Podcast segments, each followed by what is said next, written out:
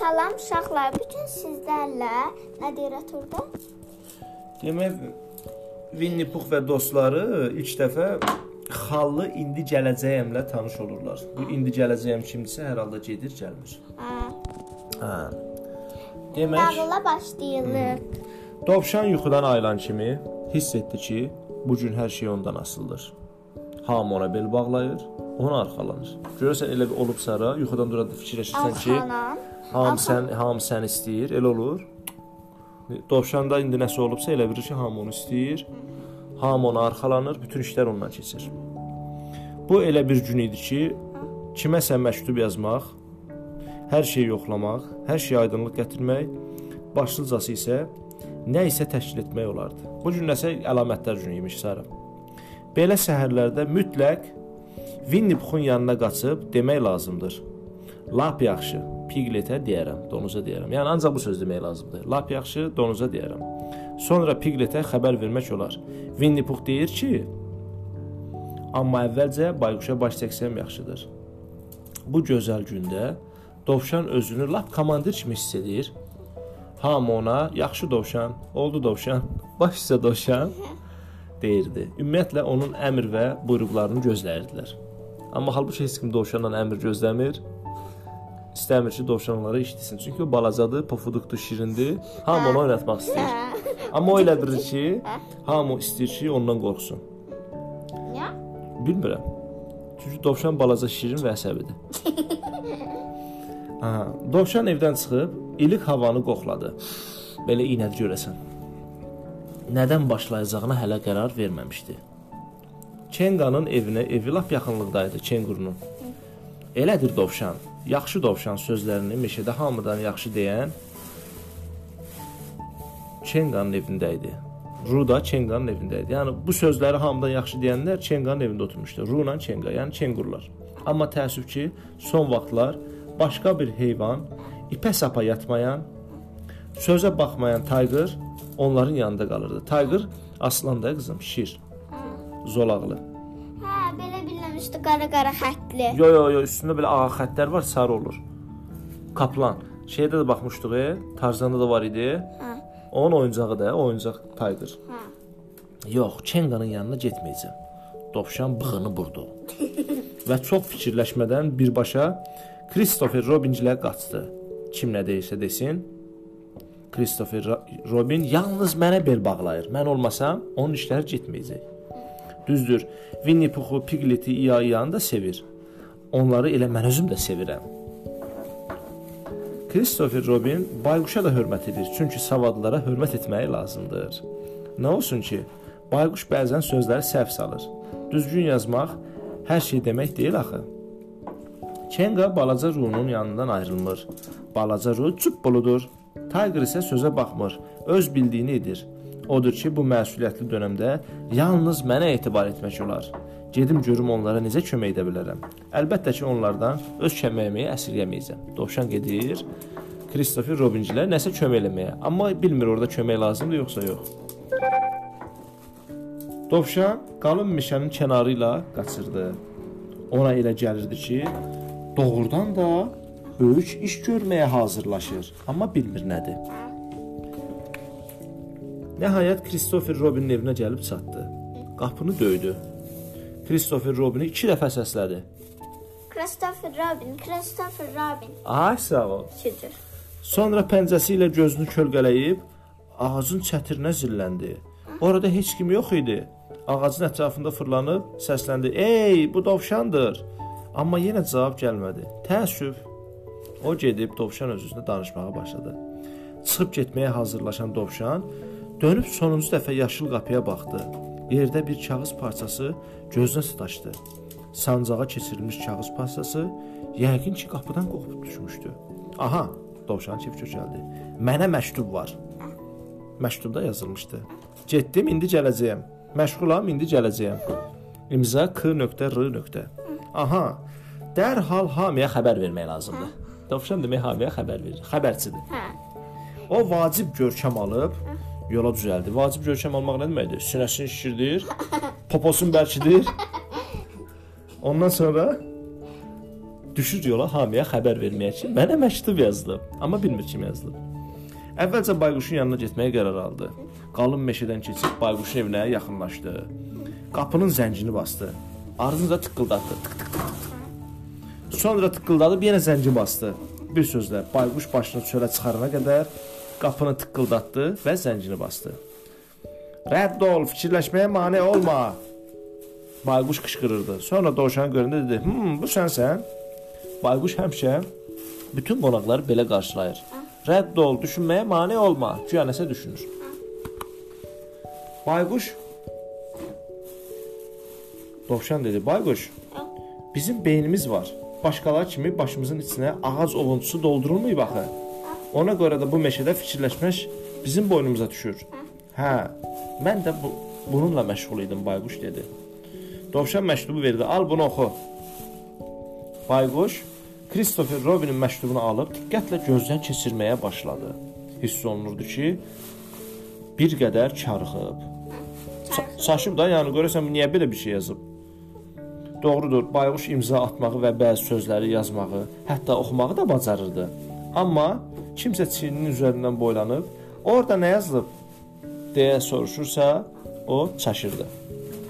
Orda nə yazılıb? Dovşan soruşdu. hə. Nəyi nəzərdə tutduğunu bilirəm. Orda nə yazılıb? Yenə soruşdu. Şübhəsiz. Mən də onu deyirəm. Sən mənim yanıma gəlməsəydin, mən sənin yanına gələcəkdim. Yalandan deyir Bayquş. Cavabı ağıllıdır. Nə üçün?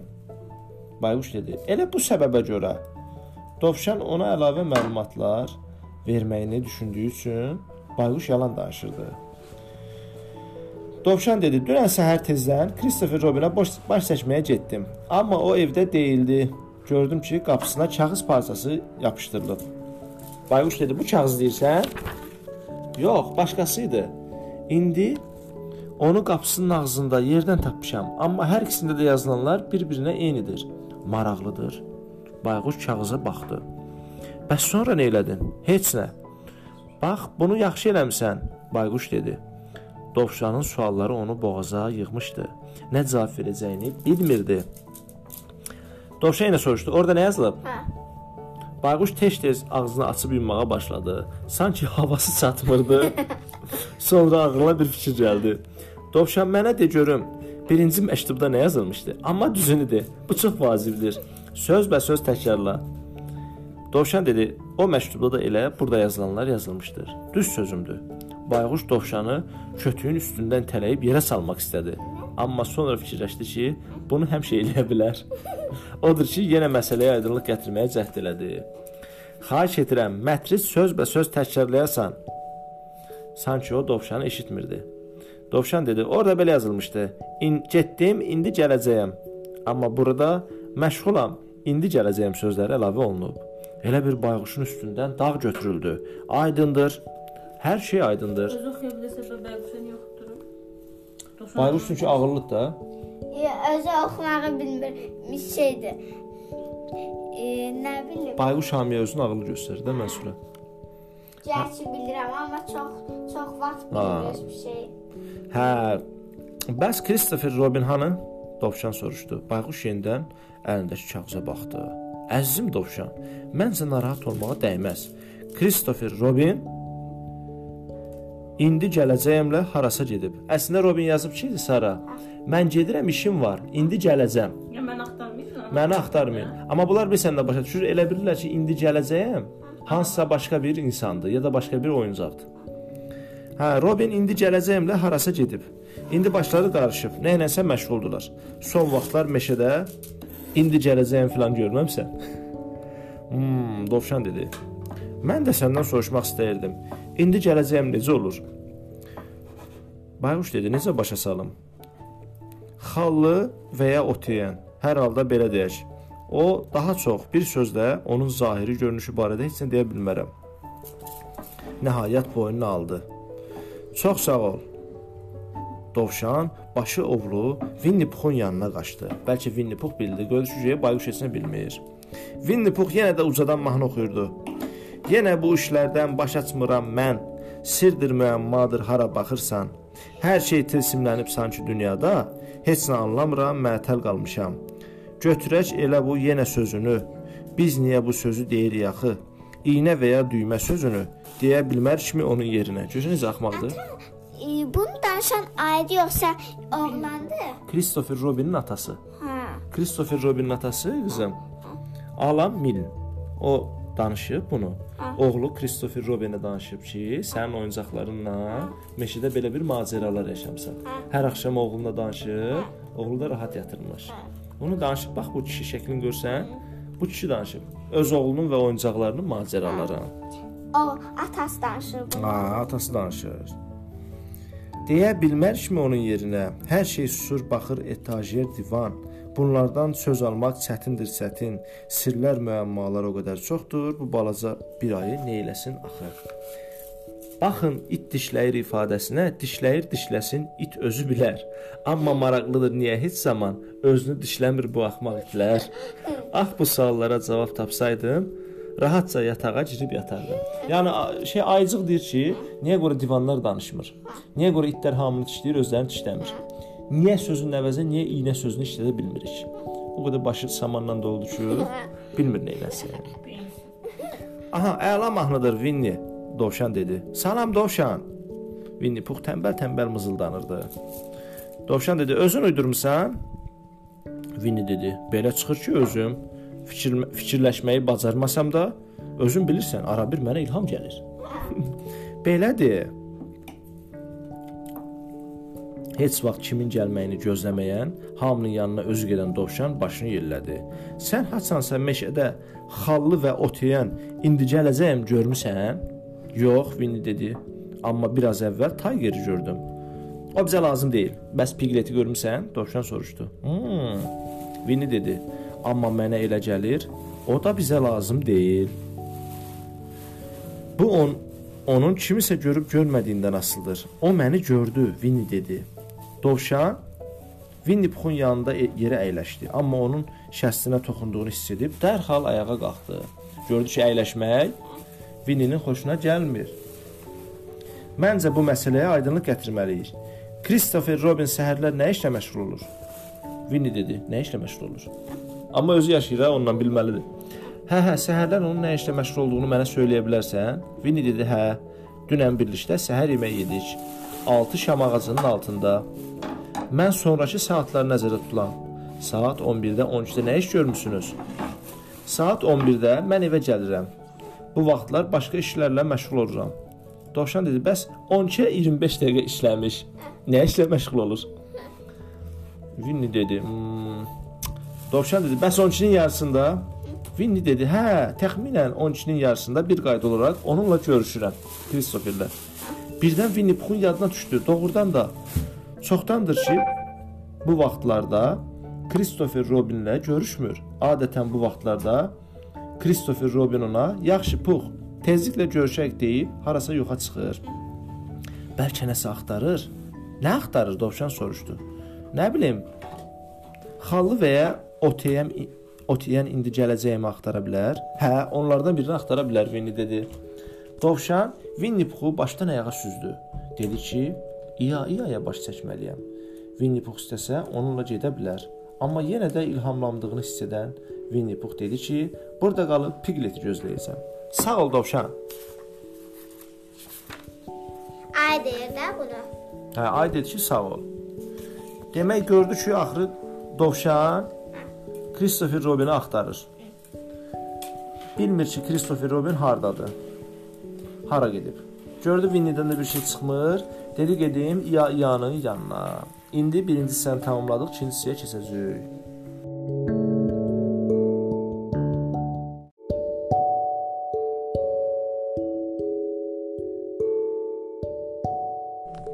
Hə, biz harda qalmışdıq?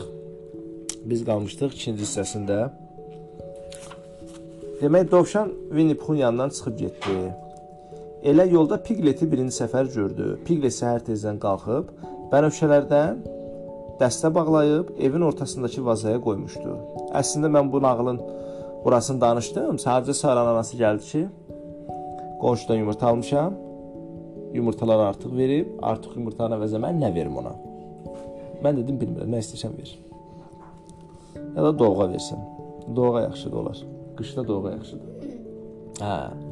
Birdən ağlına gəldi ki, indiyəcən heç kəs İya-İya üçün bənövşə dəstə tutmayıb. Fikirləşdi ki, yəqin eşşək olmaq çox kədərli və çətindir. Həqiqətən eşşək olmaq çətindir. Çoxlu yük daşıyırlar. Dərhal çəmənliyə qaçıb bir dəstə gül dərdi. Birbaşa İyanın otladığı yerə yollandı. Əlindəki gülləri qoxlayır, özünü göyün 7-ci qatında hiss edirdi. Xoş gördük İya. Piglet tərəddüdlə dedi. Çünki İya nə eləsə ciddi bir işlə məşğul idi. İya bilirdik mi? Birləmi təzən danışıram da, onu bilmir axı. İya ayağını qaldırıb işarə verdi ki, yəni o tərəfə get. Sabah gələrsən ya da biri gün. Piglet biraz da yaxınlaşdı. Görsün İya nə işlə məşğuldur. Yerdə 3 çubuq var idi. İkisi baş-başa dayanmışdı, biri köndələn. Piglet yəqin fikirləşdi ki, bu tələdir. Do- İya İya dedi, mənimlə danışan Pigletdir, çünki o başını ayırmırdı. Hə, mənəm. Bilirsən bu nədir? Bu A-dır. Piglet o dedi. O dedi, xeyr, bu A-dır. Sən Christopher Robin'dən savadlı deyirsən. Christopher Robin bunun A olduğunu deyirsə, deməli A-dır. Əlbəttə onu ayaqlamasalar.